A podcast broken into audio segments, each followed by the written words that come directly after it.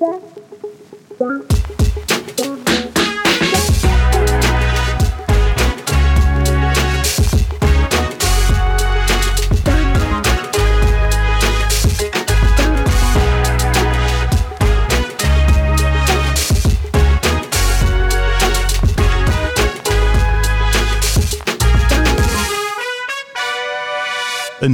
hele goede dag. Fijn dat u luistert naar de allereerste aflevering van de Leergeld 070 podcast. De podcast van Leergeld Den Haag, waarbij we u bijpraten over alle interessante ontwikkelingen rond armoede en vooral kinderarmoede in Den Haag, maar soms ook daarbuiten.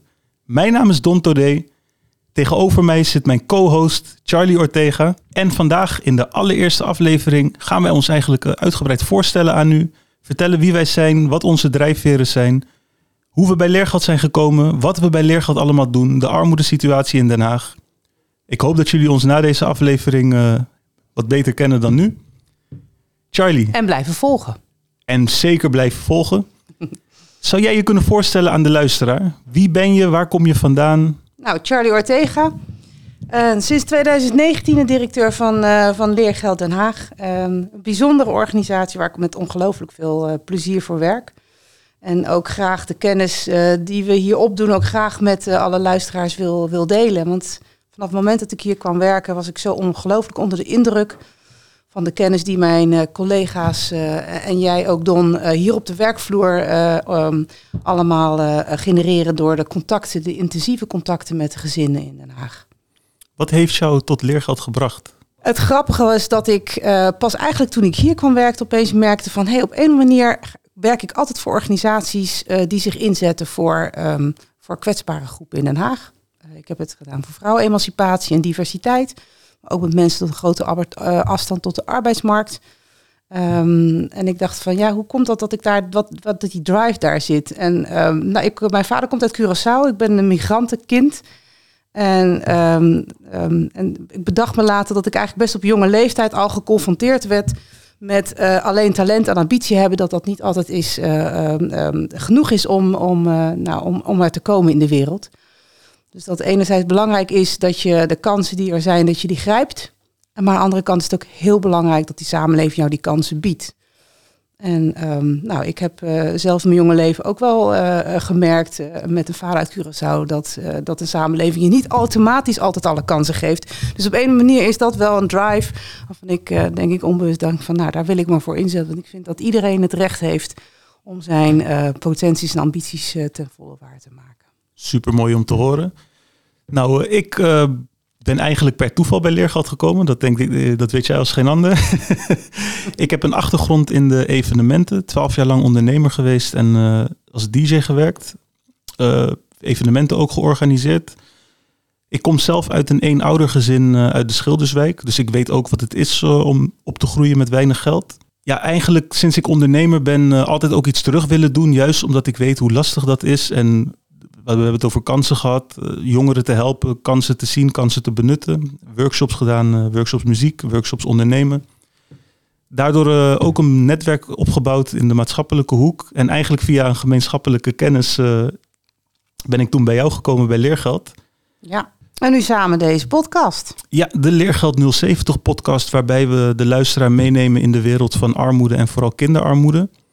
Uh, we zijn gevestigd in Den Haag, daarom ook de Leergeld 070, podcast nummer 070, het netnummer van Den Haag. Charlie, zou je iets kunnen vertellen over leergeld en de historie van leergeld? Ja, tuurlijk. Um, leergeld uh, nou, die bestaat al enige tijd, nu al, uh, al weer meer dan 23 jaar. leergeld Den Haag is niet de enige. Er zijn meer dan 100 leergelden in Nederland.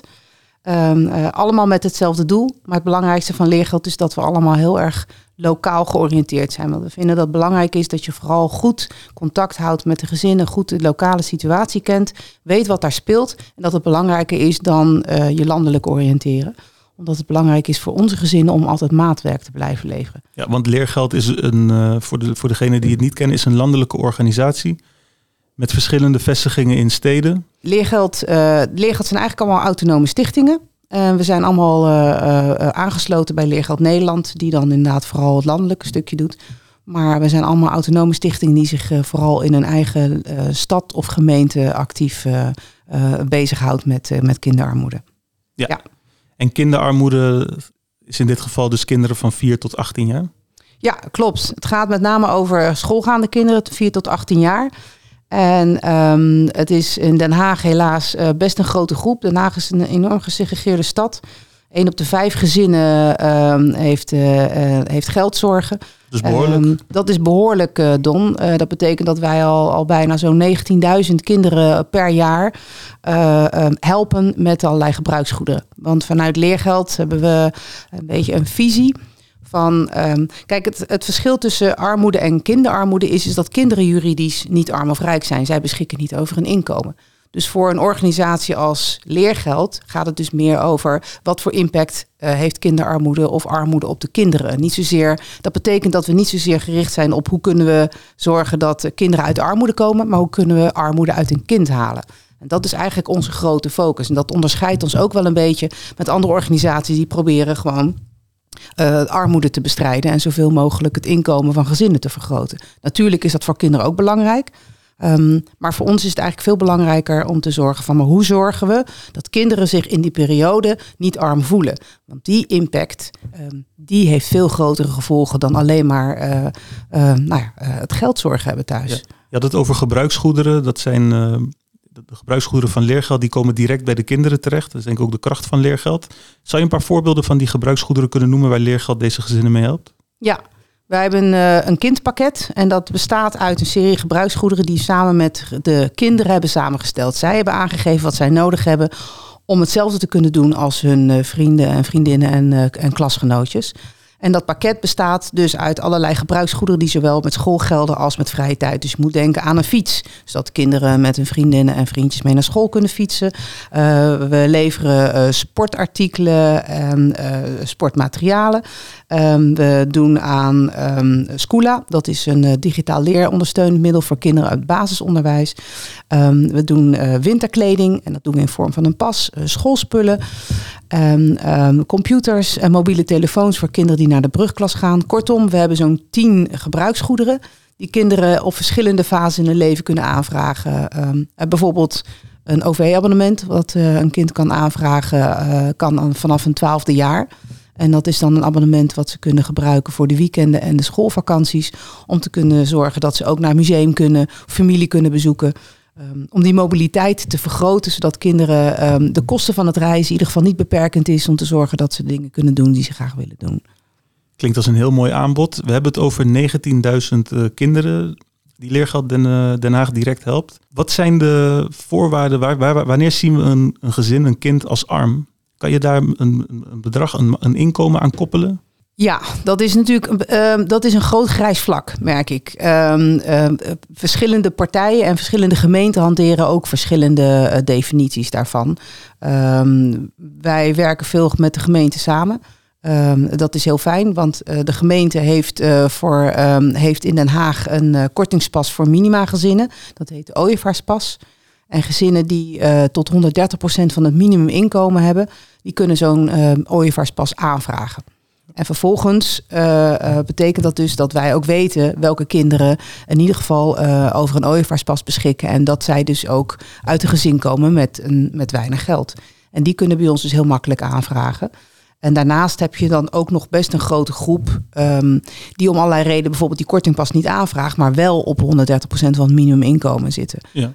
Um, je hebt ook ongedocumenteerde um, vluchtelingenkinderen, statushouders. Dus je hebt ook nog best een grote groep daarnaast. Bovenop waar, die 19.000 kinderen? Voor een deel wel. Ja, we kunnen niet zeggen dat we iedereen uh, ja. in Den Haag helaas uh, weten te bereiken. Dus wat we doen is, we werken goed met de gemeente samen. Want die heeft in ieder geval weet uh, welke kinderen een ooievaarspas hebben. Ja.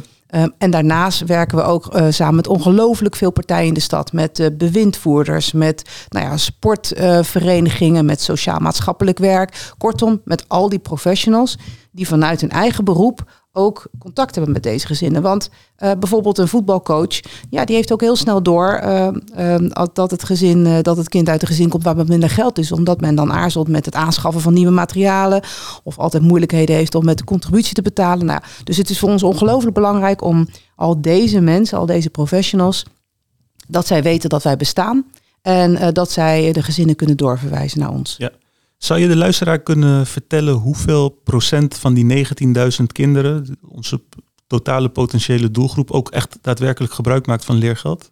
Ja, daar moet ik tot mijn grote vreugde zeggen, het is wel heel hoog. We hebben als organisatie veel geïnvesteerd in het vertrouwen uh, dat de gezinnen in ons hebben. Als het gaat om dat we laagdrempelig bereikbaar zijn, uh, dat we overzichtelijk zijn in, het, in wat, wat ze kunnen aanvragen, dat we snel afhandelen.